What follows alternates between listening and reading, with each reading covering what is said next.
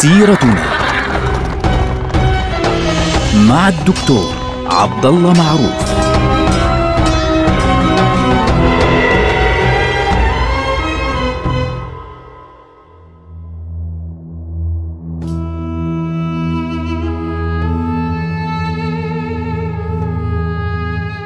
السلام عليكم ورحمة الله وبركاته. سيرتنا سيرة هذه الأمة العظيمة ونحن الآن في عهد عمر بن الخطاب رضي الله عنه وأرضاه.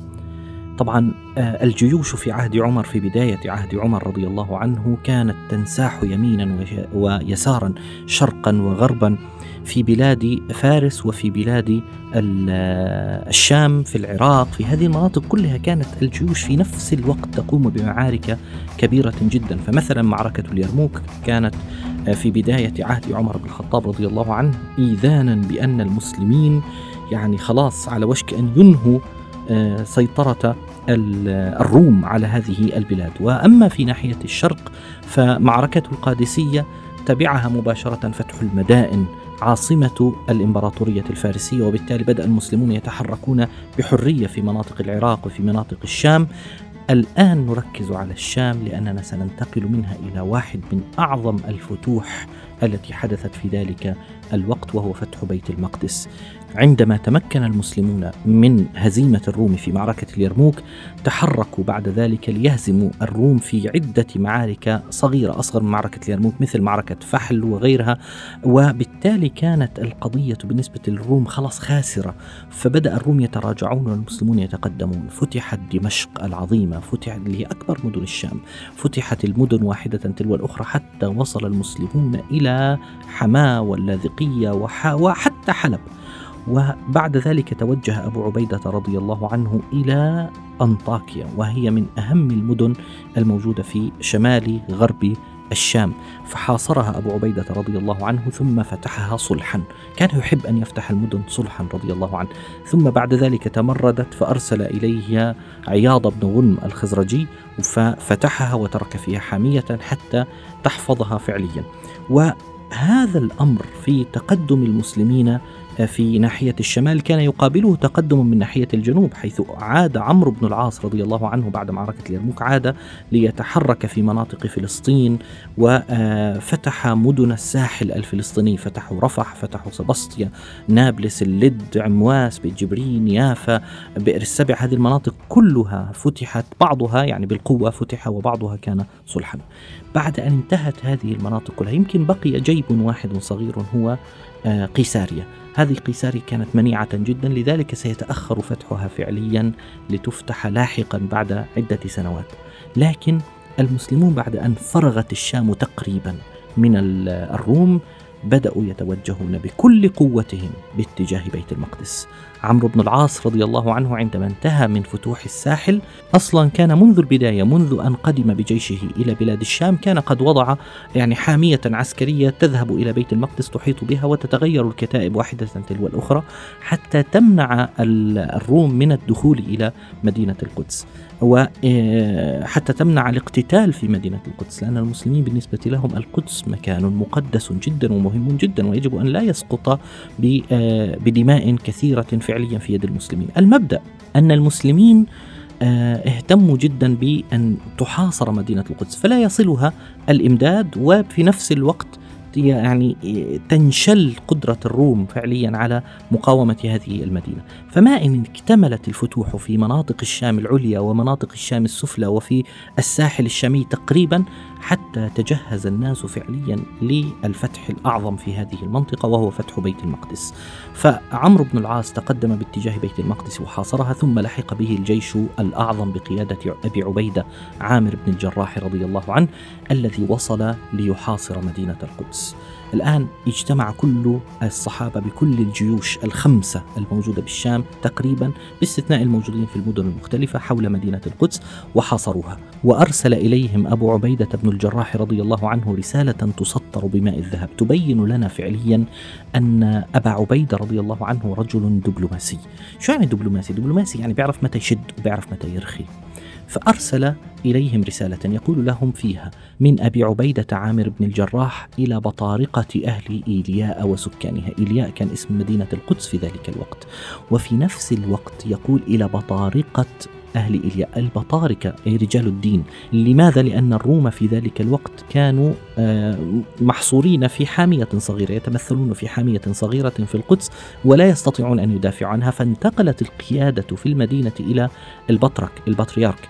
وذلك البطريرك اسمه صفرونيوس وعلى فكرة مع أنه اسمه يوناني لكنه من دمشق هو عربي دمشقي أصيل. فصفرونيوس وصلته رسالة تقول إلى بطارقة أهل إيلياء وسكانها سلام على من اتبع الهدى وآمن بالله وبالرسول أما بعد.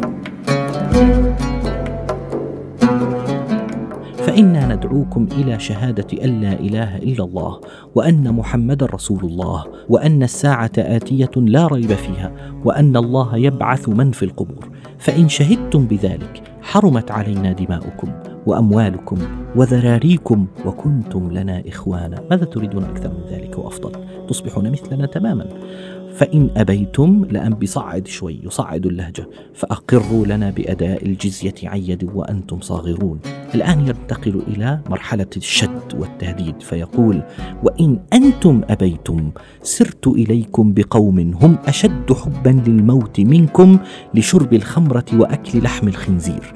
ثم لا أرجع عنكم إن شاء الله أبدا حتى أقتل مقاتليكم وأسبي ذراريكم. فدب الرعب عند قادة المدينة.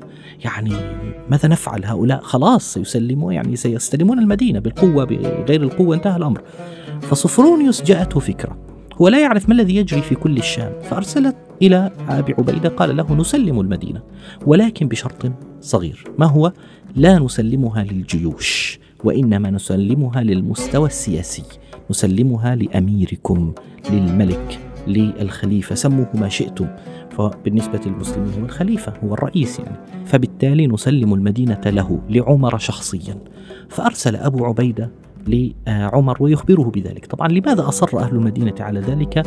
خوفا من الجيوش لأنهم قبل سنوات قليلة في سنة 614 للميلاد يعني في السنة تقريبا الرابعة الخامسة للبعثة لبعثة النبي صلى الله عليه وسلم عندما جاء الفرس ارتكبوا مجزرة كبيرة في مدينة القدس. فلذلك أهل المدينة كانوا يريدون أن يسلموها لعمر حتى يضمنوا الأمان. هذا رقم واحد. رقم اثنين كان أهل المدينة يريدون تأخير الموضوع. تأخير يعني آه، فتح المدينة لعل وعسى يأتيهم مدد ولا كذا. هم لا يعرفون أنه يعني هرقل خلاص فقد الأمل في كل الدنيا وراح رجع للقسطنطينية. لا يعرفون ذلك. الآن وصلت الرسالة. فاستشار عمر رضي الله عنه من حوله فقال عثمان رضي الله عنه لا تخرج. لماذا؟ لأن المدينة خلص يعني سينتهي الأمر بأيدينا. وأما علي رضي الله عنه فقال يعني خلص آه، أنا أنصحك بأن تذهب. لماذا؟ آه، لحقن دماء الناس وحقن دماء المسلمين. فعند ذلك قال عمر رضي الله عنه قد أحسن عثمان النظر في مكيدة العدو رضي الله عنه وقد أحسن علي النظر في خير المسلمين رضي الله عنه في دماء المسلمين وإني آخذ بمشورة أبي الحسن فيخرج عمر بنفسه.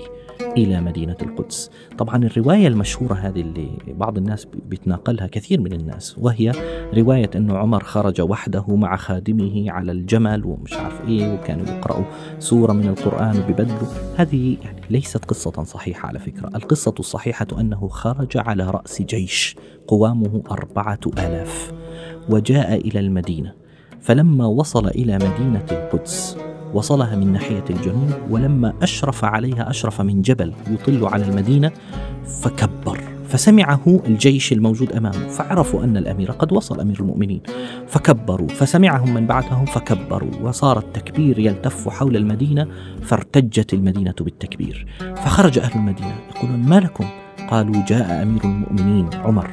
طبعا لأجل هذا التكبير الذي حدث سمي هذا الجبل الذي وصل منه عمر رضي الله عنه باسم جبل المكبر حتى اليوم في مدينة القدس. فتوجه وفد من المدينة مباشرة إلى عمر رضي الله عنه وسلموه المدينة سلموا عليه وسلموه المدينة وأخذوا منه الأمن والأمان. ودخل عمر رضي الله عنه إلى مدينة القدس. جال في المدينة وتوجه في أزقتها. طبعا هناك خلاف. هل هو ذهب مباشرة إلى الأقصى ولا ذهب اولا إلى كنيسة القيامة ثم إلى الأقصى؟ الذي يهمنا هما قصتان. واحدة منهما أنه أثناء زيارته توجه إلى كنيسة القيامة بدعوة من البطريرك صفرونيوس فلما حان وقت الصلاة أذن المؤذن بالصلاة مؤذن الجيش فعمر قال يعني وقت الصلاة فقال له مكانك صلي. يعني دعاه صفرونيوس للصلاة في كنيسة القيامة. فرفض عمر. ليس استهانة بالكنيسة وإنما تعظيما لأن تنتهك حرمات أبناء الديانات الأخرى. فقال لا يأتين المسلمون من بعدي ويأخذوا كنيستكم ويقولوا هنا صلى عمر. فبالتالي تقدم بضع خطوات وصلى خارج الكنيسة. وهناك يوجد اليوم مصلى مسجد اسمه مسجد عمر. يعني قريب من كنيسة القيامة عشر أمتار تقريبا عن آه، حائط كنيسة القيامة. وفي ذات الوقت عمر رضي الله عنه دخل آه، إما قبل ذلك أو بعد ذلك دخل إلى المسجد الأقصى. فلما رأى المسجد كبر وقال الله أكبر. هذا هو المسجد الذي وصفه رسول الله بيت المقدس. فدخل عمر رضي الله عنه. كان في ذلك الوقت المسجد الأقصى عبارة عن خرابة. في أعلاها توجد الصخرة الصخرة اللي فيها مغارة وأطلال السور موجودة وكانت يعني مكب نفايات. فبدأ ينظف المكان هو والمؤمنون معه هو والمسلمون. وبعد هذا العمل صلى بهم عمر رضي الله عنه في المسجد الأقصى المبارك. في ذلك اليوم نظر عمر رضي الله عنه إلى الناس فقال أين بلال بن رباح? الجيوش كلها مجتمعة فعمر رضي الله عنه لافت نظر مسألة أين بلال بن رباح تحديدا؟ لماذا بلال؟ يأتيه بلال رضي الله عنه فيقول يا بلال ألا تؤذن لنا؟ ما رأيك أن تؤذن لنا؟ فقال له بلال رضي الله عنه يا أمير المؤمنين إني قد آليت على نفسي يعني قررت ألا أؤذن لأحد بعد رسول الله. بلال رضي الله عنه لم يؤذن منذ يوم وفاة رسول الله صلى الله عليه وسلم. حاول أن يؤذن في صلاة الظهر فلم يستطع ثم في صلاة العصر فلم يستطع فتوقف.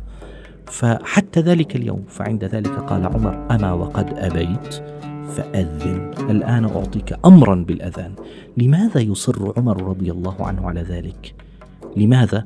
لأن بلال بن رباح كان أول من أذن في مسجد رسول الله عندما شرع الأذان. وبلال بن رباح كان أول من أذن في المسجد الحرام يوم فتح مكة. ولذلك كان لابد أن يكون بلال هو أول من يؤذن في المسجد الأقصى المبارك. هذا الفهم عند عمر رضي الله عنه الذي يجب أن يفهمه كل مسلم اليوم. فعندما صعد بلال قال له أما وقد أمرتني فلا أطيعنك لا أستطيع. خلاص أمر. فوقف وقال الله أكبر فارتجت مدينة القدس. لماذا؟ كأن رسول الله أصبح معهم. تذكروا رسول الله في صوت بلال بن رباح رضي الله عنه فكان ذلك يعني هزة عظيمة لنفوس المسلمين ولقلوب المسلمين وارتج الجيش بكاء. حتى عمر رضي الله عنه كان يبكي ويبكي رضي الله عنه وأرضاه. هذا المشهد العظيم شهدته مدينة القدس. ثم جاء عمر رضي الله عنه فكتب لأهل مدينة القدس عهدته المعروفة عهدته العمرية. يضرب فيها المثل بالتسامح. أنه أعطاهم امانا لكنائسهم وصلبانهم وبيعهم وسقيمها وبريئها وكل ما فيها. لا تسكن هذه الكنائس ولا يأتي أحد لينتقص من أموالهم ولا كنائسهم ولا دينهم وأعطاهم الحرية لدينهم. هذه العهدة نفاخر بها الدنيا إلى اليوم وسنبقى نفاخر بها الدنيا إلى يوم القيامة. رضي الله عن عمر وتم بذلك هذا الفتح العظيم لتدخل مدينة القدس ثلاثية المدن المقدسة في الإسلام إلى جانب أختيها مكة المكرمة ومدينة رسول الله رضي الله عن عمر. نلقاكم على خير. والسلام عليكم ورحمة الله وبركاته.